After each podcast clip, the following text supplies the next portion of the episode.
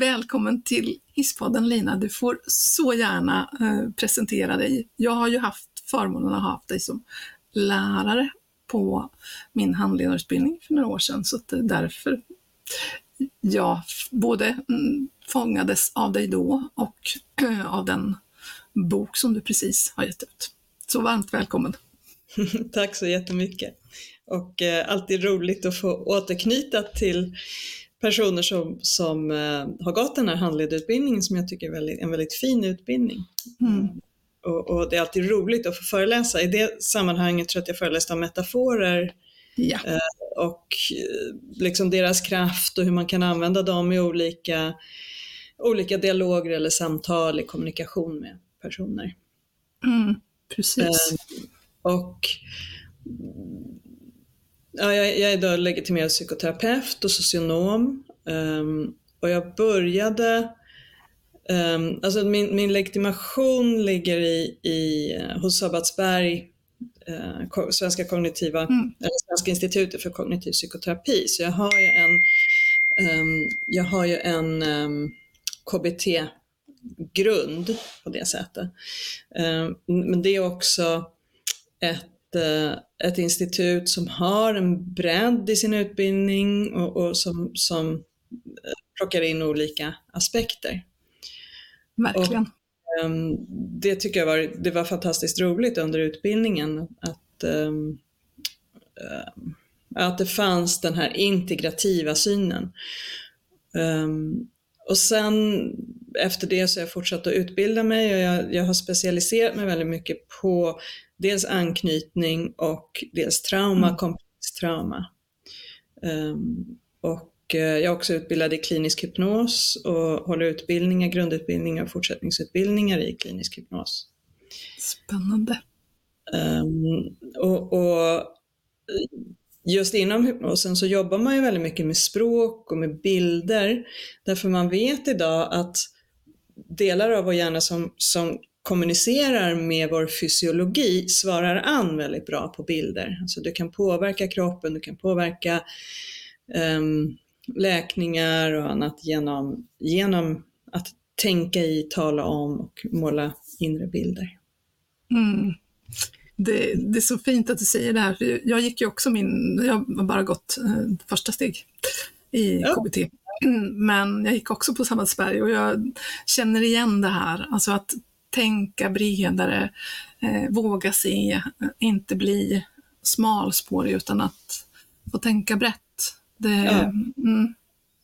och, och, där har man ju också um, schematerapin som ju är en integrativ metod um, där Jeffrey Young har tagit in uh, olika aspekter av gestalt, det finns uh, inslag av hypnos, Ja. Um, och, och, så vidare. Så att, och, och, där finns ju också kroppen med mm. i terapin. Man, kan, man gör till exempel arbete med stolar, man förflyttar sig i rummet, man går in i olika delar, som ju också är någonting som man jobbar väldigt mycket med med trauman, när man närmar sig ja. uh, dissociation och så vidare. Mm. Um, så att där, där har jag liksom min, min utgångspunkt punkt i mitt kliniska arbete. Mm. Um, mm. Och sen så när jag läste eh, att du har släppt den här fantastiska boken polyvagalteori i psykoterapi, så dels för att det var du som hade skrivit den och sen att jag tänker att det här behöver vi prata om. Alltså både eh, självklart i terapirummet men också i eh, all vård och omsorg på alla mm. plan. Mm. För någonstans så är vi ju alla människor utsatta för olika former av sorg, starka känslor, trauman mm. eh, som vi tänkt under väldigt lång tid att eh, det går att prata bort bara. Mm. Och vad säger du då? ja, alltså um, vi vet ju idag att det tillstånd du är i i kroppen påverkar hur du tänker och hur du ser på världen, alltså mm. ditt, ditt perspektiv. Uh, och det, det, är inte så långt ifrån om man tänker sig att man har om du har maginfluensa till exempel, som är någonting som verkligen påverkar dig på, på alla plan. Man, man, mår skit helt enkelt ja. när man har maginfluensa. Och då är man ju väldigt osugen på att eh, drömma om att man ska sitta på ett flyg och åka iväg på semester eller det är svårt att tänka sig att man ska kunna gå upp och prestera, man kanske ska göra en presentation ja. eller man ska ta sig an någonting så gör man bara, men jag klarar det inte. Alltså, vi påverkas väldigt mycket av tillståndet i vår kropp och, och det, ja. det är liksom en bra situation som illustrerar det. Um, den blir så tydlig, för man får ju fram en bild av... Oerhört äckliga ja. och oattraktiva mm. Vi vill helst bara försvinna från världen och, och, så vidare. Och om man då tänker sig att det är en ytterlighet så ligger vi liksom lite till mans i olika perioder i att vi känner oss ojämnt starka eller vi mår mer eller mindre dåligt eller det finns signaler i kroppen som vi inte nödvändigtvis blir medvetna om. Men Nej. de är hela tiden där och påverkar vårt sätt att känna, att tänka, att uppleva världen, att samspela med andra. Och det, det är ingenting mystiskt med det. Nej, det är det ju verkligen inte. Nej. Men som om det skulle vara bortglömt. Ja, um, till viss del så, mm. så liksom, har det, det kan ju då delvis ha varit lite svårt att forska på hur tillståndet i kroppen påverkar oss kognitivt. Uh, Medan det kan vara lättare att forska just på symptomen på hur, hur vi mår i kroppen, alltså vi tittar på det kognitivt. Mm. Och, och Eh, jag tycker att, att, till exempel KBT är ett fantastiskt bra verktyg i väldigt många situationer. Men att, att oh ja. precis som allting annat så är det inte allenarådande, det behöver kombineras med någonting annat. Precis som dynamisk samtalsterapi mm. också kan fungera fantastiskt bra ja. i vissa processer med vissa individer och i vissa situationer. Men ibland behövs det någonting annat. Och oavsett vad vi gör, oavsett hur vi arbetar eller vem vi är, så har vi ett autonomt nervsystem i kroppen som påverkar oss. Ja. Så att det är inte bundet till någon form av eh, specifik terapi, att man ska arbeta med det. Oavsett om Nej. du är medveten om det eller inte, i varje givet ögonblick så, som du interagerar med andra människor eller interagerar med dig själv, vilket du, du lever ju ändå med din kropp, eh, så är du påverkad av vad som händer på insidan. Eller hur? Och det, det här är ju på något sätt, när du säger det så blir det ju sådär självklart, ja det tänker man att man vet, men det är lite lätt att hamna i det andra eh, fältet och tänka metod före hel människa. Ja, fast vi ändå alltid är i vår egen människa och vi, när vi möter eh, andra människor, särskilt om det är i vårt arbete, så är ju det här en otroligt viktig kompetens att ha koll på. ja. Mm. ja. Och då, då när, jag, när jag kom i kontakt med Stephen Porges forskning och polyvagalteorin um, så blev det för mig den där, liksom slanten ramlade ner.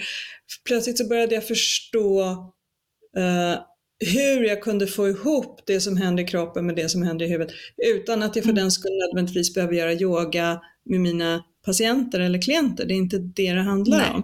Men jag, jag, för mig betyder det att jag fick en slags förkroppsligande av mitt arbetssätt. Eh, mm. Och betyder inte alltid att jag gör någonting så annorlunda än vad jag gjorde innan, men jag ser annorlunda, jag har en, en annan bas för mina förnimmelser och en ny medvetenhet om mina egna reaktioner. Ja, som ju är så otroligt viktiga, för det, det är de, vi speglar ju varandra. Och ja. när en annan person hamnar i eh, dissociation eller eh, när man tappar det för man får känslan av att här och nu behöver jag fly.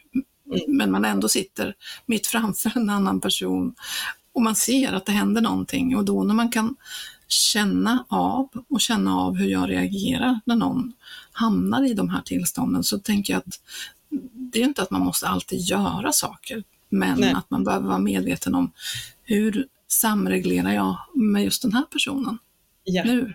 Mm.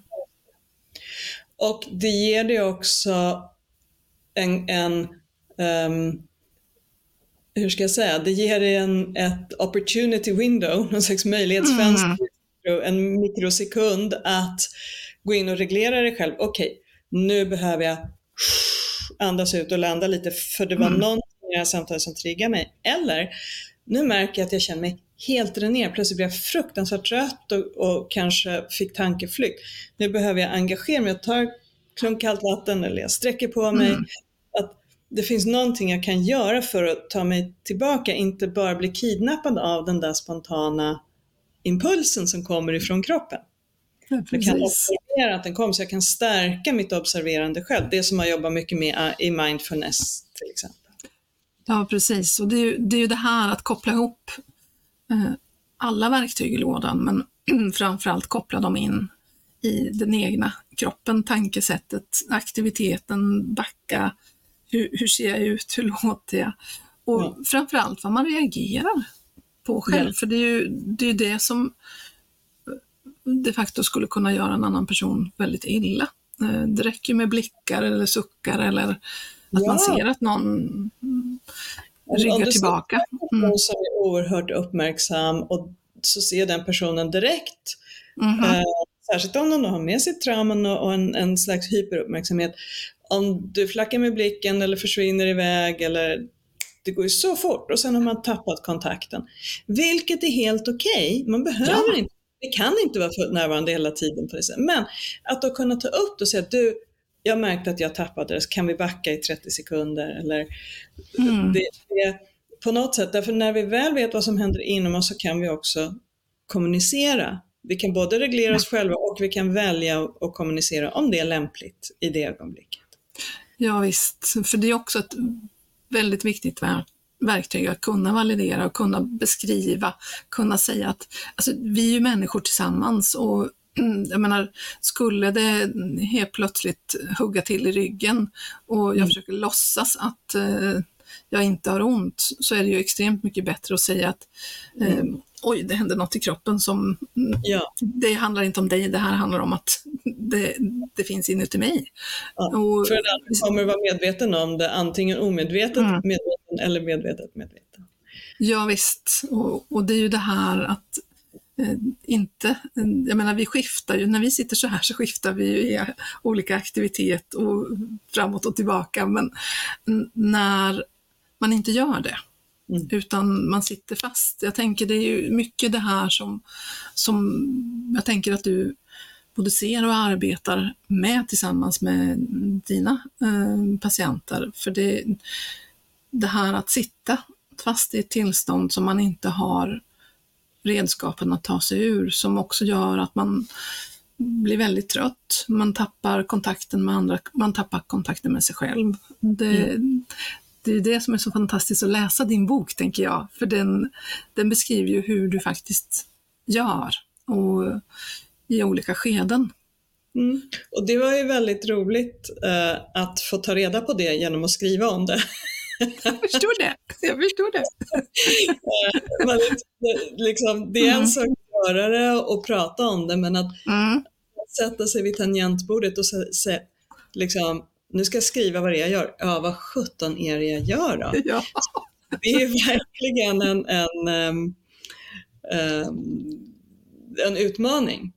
Eh, men men som också utvecklande därför att jag har varit tvungen att, att gå till botten mycket med mitt eget arbetssätt och mitt sätt att reagera och inte bara kan liksom cut the corners eller ta en genväg eller, eller så. Och att förklara någonting verbalt som vi kanske inte riktigt är så djupt insatt i, det klarar vi. Men Mm. att förklara någonting i skrift, Mhm. då behöver vi förstå det på ett annat plan. Ja, och, och det är ju det du hjälper mig och andra att faktiskt göra eh, på ett väldigt tydligt sätt. Och, det, även, alltså, det känns. När jag läser så känner jag.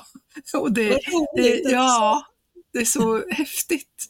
Ja, just det. Nej, men jag kan jaha, nej men här sitter bröstkorgen, jag har inte andats eh, ordentligt. Det är klart att det här påverkar hur jag tänker, i vilket läge jag är, även om jag inte alls eh, eh är påverkad av någon ständig stress, så, så är det ju eh, man kan ju vara hungrig, man kan vara trött, man kan eh, ha mm. ont någonstans och, och det här påverkar ju också oss när ja, vi möter vi människor. Ja. kroppsmönster som, som eh, vi kanske var stressade för under någon annan period och sen när det blir ja. lite bråk går vi tillbaka till en stressreaktion i kroppen som vi utvecklade då men som vi kanske egentligen inte behöver ha nu. Nej.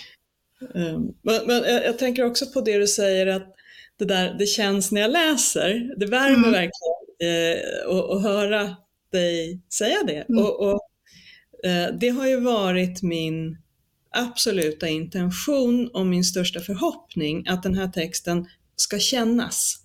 Ja. Um, därför att ännu en, en teoretisk text om någonting, det, det, det, alltså, hur ska jag säga, jag, jag, måste ju skriva metoden som jag predikar för att vi ska använda. Mm. Um, om jag säger att du, du kan inte jobba med, med ett ett läkande om du bara pratar om det, men då kan du heller inte skriva en bok där du bara pratar om det, utan den behöver liksom den behöver mm. nå lite djupare in. Mm. Och då Verkligen. Kom, som du tog upp inledningsvis nu när du började um, prata lite, det var kanske innan du började mm. podda, uh, om metaforer. Att, ja. att bilder för, för de allra flesta av oss så är olika bilder um, någonting som vi kan skapa i vårt inre, för vårt inre öga och som, som samtalar med vår kropp. Precis. Uh, och, och, där kan vi ju se till exempel på um, för äldre generationer, Sven-Bertil Taube skriver väldigt bildliga texter, nu var det han som dök upp. Men, men, ja, men det är fint.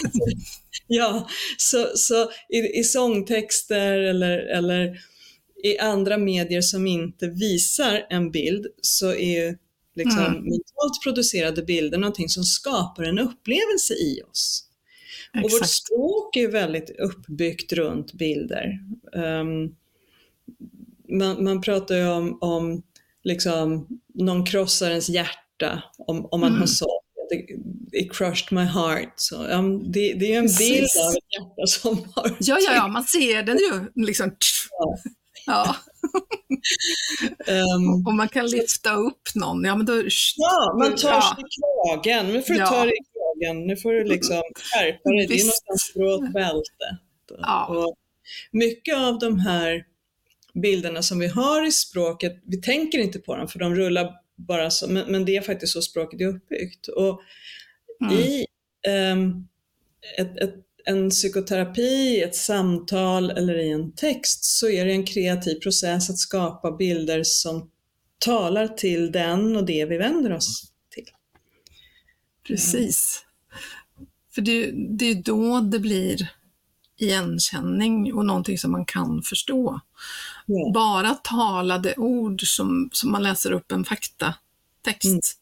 Mm. Eh, det kan man ju inhämta faktan, men eh, att integrera den i där. Alltså, mm. Nej, den integreras inte, den landar inte i oss, den blir inte någonting vi, vi kan eh, Alltså det, det, är en ganska lång process att omvandla torra fakta till någon form av mm. praktik avgörande. Det är jättesvårt att läsa om hur du ska cykla. Exakt. När jag läser ska cykla nu går jag att göra. Det är mycket lättare att titta på andra som cyklar. Att du Precis. kan lära dig på det sättet. Mm. Och det där är så, det är så spännande när man tänker på att man tror att man kan tala om för någon annan hur man ska leva för att må bra. Ja det måste ju integreras i ja. Kroppen, i själen, i hjärtat för att eh, bli ett sätt som jag vill använda mig av och inte bara fakta. Det är ju som, nu har vi inte så mycket Socialstyrelsen rekommenderar, men jag tänker det, det finns ju rekommendationer och det finns ju fakta och så berättar man hur det ska gå till, eh, mm. hur mycket man ska träna, vad man ska äta och hur mycket man ska sova och sådär. Det, det, det är torrfakta. Ja. Men hur gör man då för att eh, ja. Ta hand om sig själv och ta hand om eh, det som har skapat eh, stress och att man blir bortkopplad från andra människor och kanske från sig själv också. Det, mm. det kan inte bara fakta levereras Nej. utan det behöver ju få ja. integreras i hela mm, ja. personen. Ja, verkligen. Mm. Och att, att integrera någonting, om vi bryter ner det som, som någon form av verb, mm. eh, handlar det också om att förflytta det från liksom, kunskap, någon, någon form ja. av, av um, kunskapsminne till det procedurella minnet där du bara gör det. Där, där det ja. kommer per automatik. Ja. Att det inte bara är en semantisk kunskap, det ligger inte bara i det Nej. Nej, men du ska djupandas. Ja, ja den, den mm. föra över saker från det semantiska minnet till det procedurella, att kunna veta om det och sedan att kunna vara, ha det som en del av dig, den tar mm. ju tid. Ja. Den, det gäller ju att nöta. Det. Och det är ju det mm, som många gånger blir missen i snabba eh, behandlingar, att man på något sätt eh, släcker ett yttre symptom, men det gör inte skillnaden där inne på djupet. Mm. För det blir inte en integrerad del av en själv att hantera, utan då, då gör man det mekaniskt. Just det, de sa att jag skulle eh, röra på mig. Eh, yeah. Yeah. Ja, fast kanske i det här läget så skulle du behöva vila, ta på dig en varm filt och någon hämtade en, en kopp te istället. För det är mm. det som skulle lugna i den här stunden. Så det går ju inte att vara mekaniska instruktioner. Just det. För det, det, och det gillar jag också med din bok, för den, den beskriver ju det här flödet alltså från eh, när man är nedsläckt tills det, ja, men det funkar bra, eller hoppsan nu är vi här uppe. Och det, det, kan ju, det kan ju skifta väldigt fort och för en mm. del så är det ju att man sitter mera fast i, i vissa utav de här reaktionsmönstren och behöver verkligt tydlig hjälp att komma, komma ja, loss. Mm. Och, och framförallt så är det ju så med, eh, nu har vi inte gått in så mycket och, och diskuterat precis hur det autonoma nervsystemet ser ut och vad teorin eh, egentligen säger, men, men väldigt kort kan man säga att eh, har, de flesta är bekanta med kamp och flyktsystemet och det parasympatiska lugn och systemet. Mm. Kamp och flykt. Och vad Stephen Porges forskning um, vilar på är um, findings som han gjorde där han upptäckte att um, det, det här parasympatiska systemet är egentligen uppdelat i två delar. Varav den ena är den dorsala delen och den andra är den ventrala delen.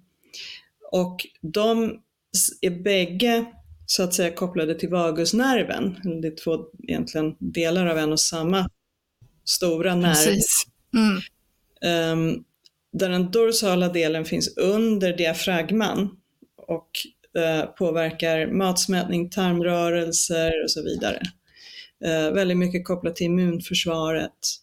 Precis. Den övre delen som är den ventrala är en, en del av vårt anknytningssystem där vi kan mm. um, koppla upp oss mot andra, vi kan anknyta, vi kan liksom Eh, vi har en social förmåga och också en förmåga till kontakt med djur eller med natur. Det är inte bara riktat till människor. Och Nej. det finns också en, en möjlig andlig dimension i det. Uh, Visst, den, som den är så viktig. Ja, och, och mm. den delen av vagusnerven styr också vår mimik, vår hörsel, mm. vår röst, hur rösten fungerar, vad vi har för ton. Um, det påverkas av det här ventrala systemet. Mm. Och det jag ville, ja, jag kom in på det därför att du nämnde att ibland kan det vara så att vi, vi fastnar. Mm. Uh, är det då så att, att den, den dorsala delen, alltså den, den nedre delen av uh, vagusnerven, har gått in i ett överlevnadsläge efter, under livshot, så ja. den förlama oss mer eller mindre, den försätter kroppen i ett konserverande läge. Mm. Och det kan vara ända ner till svimning, att vi faktiskt inte kan röra oss. Men det kan också vara just en avstängning att vi känner oss bortkopplade, dissocierade, inte i kontakt. Vi lever lite grann som i en dimma eller ett skugglandskap. Uh, vilket är ett, ett, ett evolutionärt skydd. Uh, Absolut. Mm. Men problemet är då att när vi är i det tillståndet över tid så kan vi få väldigt svårt att komma upp i rörelse igen, därför vi har inte kontakt med våra resurser. Uh, vi, vi förlorar förmågor som mm. vi egentligen besitter, men vi har inte tillgång till dem. Och, och då behöver vi Eh, då kan vi behöva hjälp av samreglering av ett annat balanserat nervsystem som finns med och tar upp oss i en form av mobilitet för att vi så småningom ska kunna komma i kontakt. Och de där övergångarna mellan olika tillstånd i nervsystemet kan, kan vara knepiga. Mm. Det är klart, och det, det, är ju det här som påverkar så många människors eh, liv och förmåga att eh, både vara med sig själv men också med andra. Och, mm. När man söker för mm, olika symptom så kan det ju vara eh, utmattning, depression, eh, tankar på att inte orka leva. Mm. Och, och, det är ju alltså, ganska naturligt eh, att man försöker hitta förklaringsmodeller till hur man har det där inne. Mm. Mm. Och, då är det ju det man har förmågan att känna eller tänka och ibland faktiskt inte ens orka vara mm. med sina tankar. Mm. Och, och, det är också så när, när vi hamnar i um, ett, ett sånt läge så har vi inte tillgång till prefrontala cortex. Det visar ju då skanningar av hjärnan att olika mm.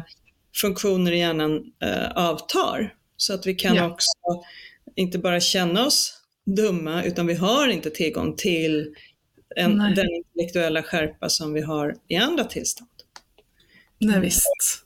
Och det gör ju att det blir lite en låsning, för när vi inte får tillgång till det så kan vi heller inte tänka oss ur det. Då går det heller inte att, att sitta i en samtalsterapi därför att vi inte riktigt är.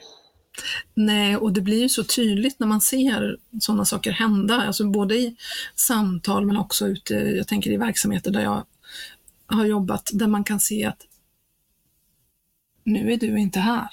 Mm. Mm. Och det här att få hjälp att komma, komma ja. tillbaka. Eh, ja. Och då är det ju korta tillstånd. Genom, mm. Det är ju genom kroppen som vi kan mm. få igång det här. Sen kan vi sätta oss och samtala. Ja, det går inte att säga hej, nu tänker jag att du gör det här. Man hör Nej. ju inte ens. För det är inte Nej. meningen utan då är det ju bara... Påverka. Ja, visst. Men beröring um, mm. och, och det kan ju vara självberöring, man får klappa om sig, man känner av var någonstans är min kropp. Här, mm. här är Man kan skaka, man kan ruska, man kan sträcka på sig, gäspa, ta en promenad, um, resa sig upp, ta ett samtal stående. Ja. Så att det finns ju verkligen en uppsjö av uh, mikroverktyg som inte botar i sig, men som hjälper en att hitta tillbaka till någon form av funktion eller väg där man så småningom mm. kan tro framåt. Eh, och yoga och medicinsk yoga och traumayoga är jättebra yoga, överhuvudtaget. Mm. Jag menar, du kan gå på gymmet, du kan gå ut och springa. Många upplever att de då kommer till ett bättre tillstånd därför att vi har ja. fått en mobilitet. Och om man istället är lite kidnappad av sitt sympatiska, av kamp och flyktsystemet och går runt och är irriterad och svettig och kanske har högt blodtryck, ja då hjälper ju också rörelse för att få ner oss. Ja. Så att rörelse, då kan det vara olika typer av rörelse, olika kvaliteter. Eller ehm, hur? Mm. Och, och, I vissa av de här tillstånden och situationerna så kan meditation vara hjälpsamt, men om du har en person som kommer in och är väldigt liksom dorsalt frånkopplad och sen ska du sätta dig och börja din terapistund med lite meditation, då förlorar du den där personen ännu mer ner i, i, i dissociation. Så att, då är det bättre någon form av rörelse. Så det är, ja. det är hela tiden den här ständiga skiftningen. Liksom, mm. med, ja. och, och, och, det finns inte, um, hur ska jag säga, nervsystemet söker hela tiden balans. Balans är ju inte ett statiskt tillstånd utan det är en ständig rörelse mellan beroende på situation och, och förutsättningar och så vidare. Ja visst, och det är ju att bli medveten om det och mm. att tänka att det här är någonting som jag behöver använda mig av. Jag, det spelar ju ingen roll i vilka möten, men särskilt när det är eh, människor i utsatta mm, positioner som, som lever med mm. ett nervsystem som inte är reglerat, som, som ibland är verkligen precis som du skriver i hyperaktivitet i kamp och flyktsystemet eller har släckt ner. Och, mm. och då tänka att eh, vi kan tolka det. det. Det är ju liksom inte det det handlar om. Det handlar om att känna in det och eh, reglera utifrån ja. den situation personen befinner sig i. Och så småningom kunna hamna i att kunna eh, hjälpa sig själv. Ja, verkligen. Mm. Och, och, att, att som behandlare, oavsett om du är kiropraktor eller sjuksköterska eller läkare mm. eller psykoterapeut eller psykolog, det spelar ingen roll. Som behandlare eller som chef eller som mm. förälder så är det hjälpsamt om du kan reglera ditt eget nervsystem så att du är på en bra plats för då kan du bjuda in andra till att komma till samma bra plats. Ja. Tills de smittar och, och det finns en, en eh, reglerande funktion i att själv vara reglerad.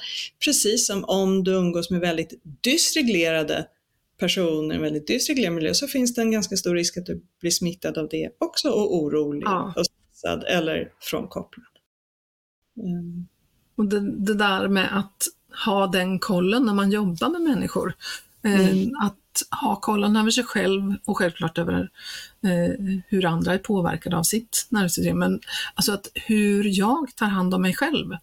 Om mm. jag har eh, blivit, om man, alltså jag kan tänka och backa band tillbaka eh, där jag efter ett samtal har, har känt mig väldigt energifattig och, och där jag då skulle behövt mm. göra någonting för att skapa tillbaka energin, men mm. kanske inte förstod det.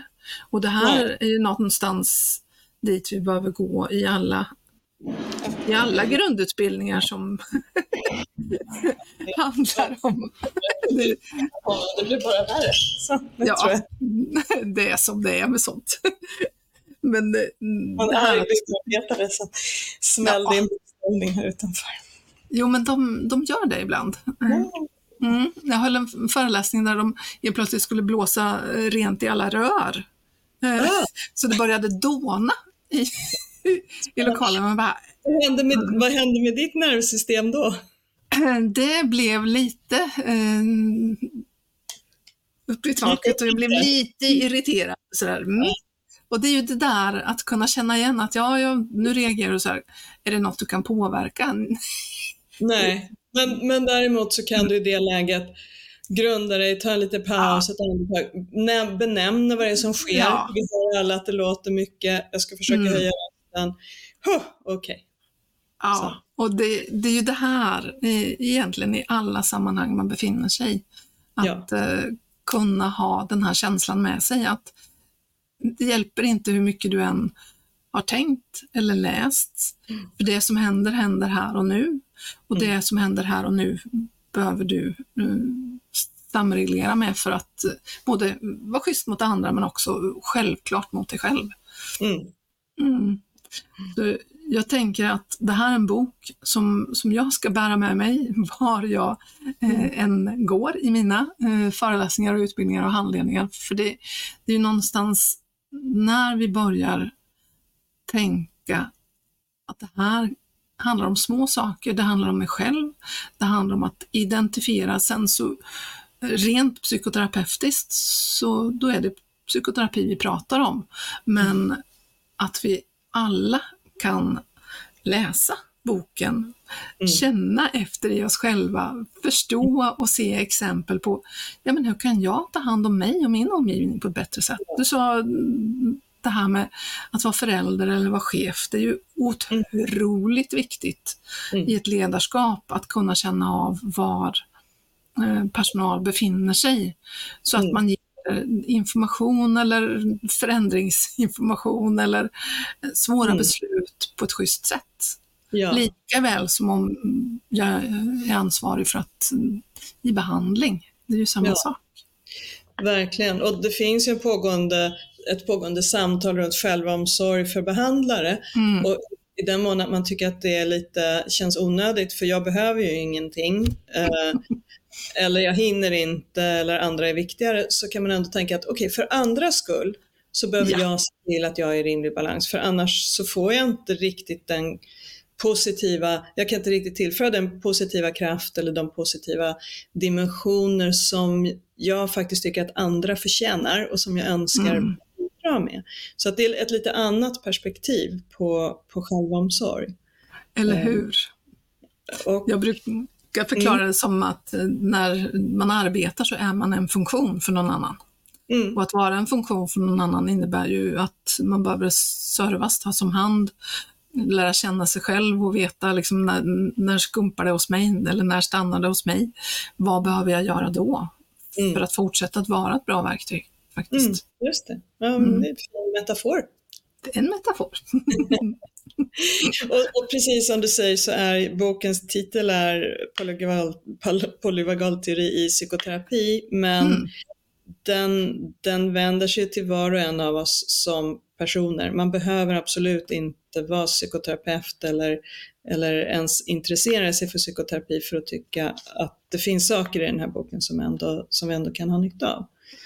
Mm. Ja, för det, alltså, livet händer oss alla och att reagera, eh, det gör vi alla på olika sätt. Och det, att lära känna sig själv Både om man jobbar med människor, men man är ju en människa.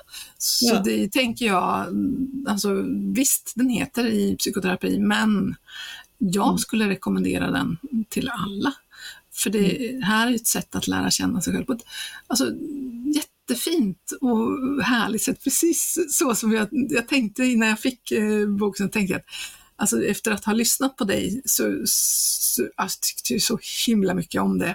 Och så, så fick jag läsa och, och känna precis likadant, att det här tycker jag jättemycket om. Så att jag är så glad att vi har fått ha det här samtalet. Och jag tänker att jag länkar eh, såklart till både boken och din hemsida, för det, det här är någonting som vi behöver hjälpas åt att sprida. Är det någonting som du tänker att ja, men det här skulle jag vilja säga till alla som lyssnar, mm, någonting som man kan tänka på eller ta med sig sådär? Ja, men liksom att, att kroppen är vår goda vän faktiskt och att den i alla lägen strävar efter att vi ska klara oss. Så, och ja. det, det, det tankesättet och att, att det som vi tänker är dåligt och det kan vara att vi har dåliga dåliga vanor, vi kanske tycker att vi dricker för mycket eller vi röker för mycket eller vi äter för mycket eller för lite eller motionerar för lite, vad det nu är. Vi har massa åsikter ja. uh, om, om vårt, vad vi gör. Att försöka förstå att det handlar om olika sätt som vi får impulser inifrån för att återfå en balans. Så. Den är schysst, den är så schysst och då om man tänker så vänligt om sig själv och det man upplever som tillkortakommanden på olika sätt så, så förstår man ju att jaha, var kommer den impulsen ifrån? Vad är det jag egentligen skulle behöva? Och ja. Det är där man i behandling kan ta reda på vad skulle jag egentligen behöva?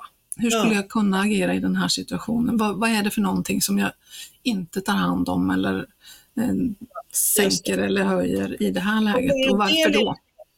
Bara det lilla skiftet som du beskriver, alltså att mm. med intresse att vara intresserad och nyfiken på det vi vill förändra eller det som skaver, där har du aktiverat en del av det ventrala systemet. Så redan där har du tagit första steget mm. emot en, en positiv förändring. Medan om du skäller på dig själv, anklagar dig eller går in i en hopplöshet, då har du egentligen förstärkt det dorsala mm. eller sympatiska läget. Så att, att, att sträva efter nyfikenhet och intresse även när det känns uh, jäkligt motigt uh, i ja. hjälp.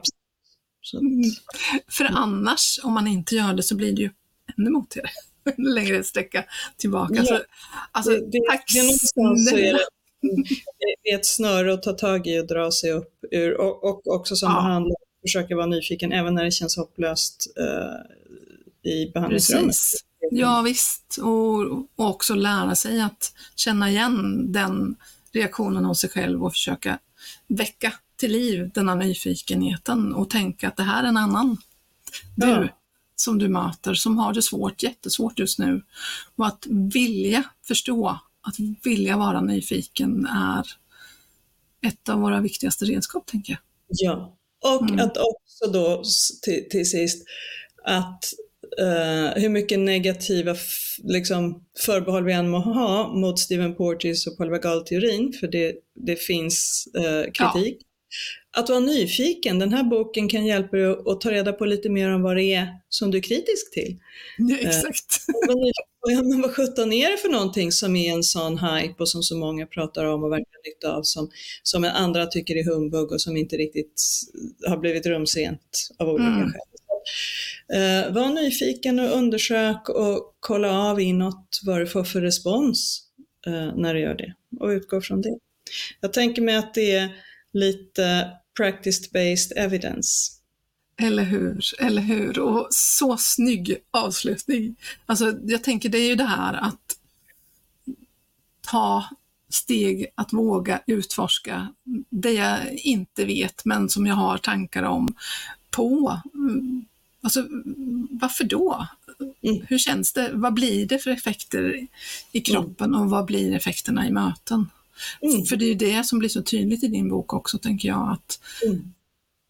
det går att hjälpa människor att reglera själva. Det går att eh, hjälpa sig själv att reglera sig själv yeah. tillsammans med andra. Och det, det är ju där vi har mänskligheten och medmänskligheten att eh, mm. gå tillsammans i.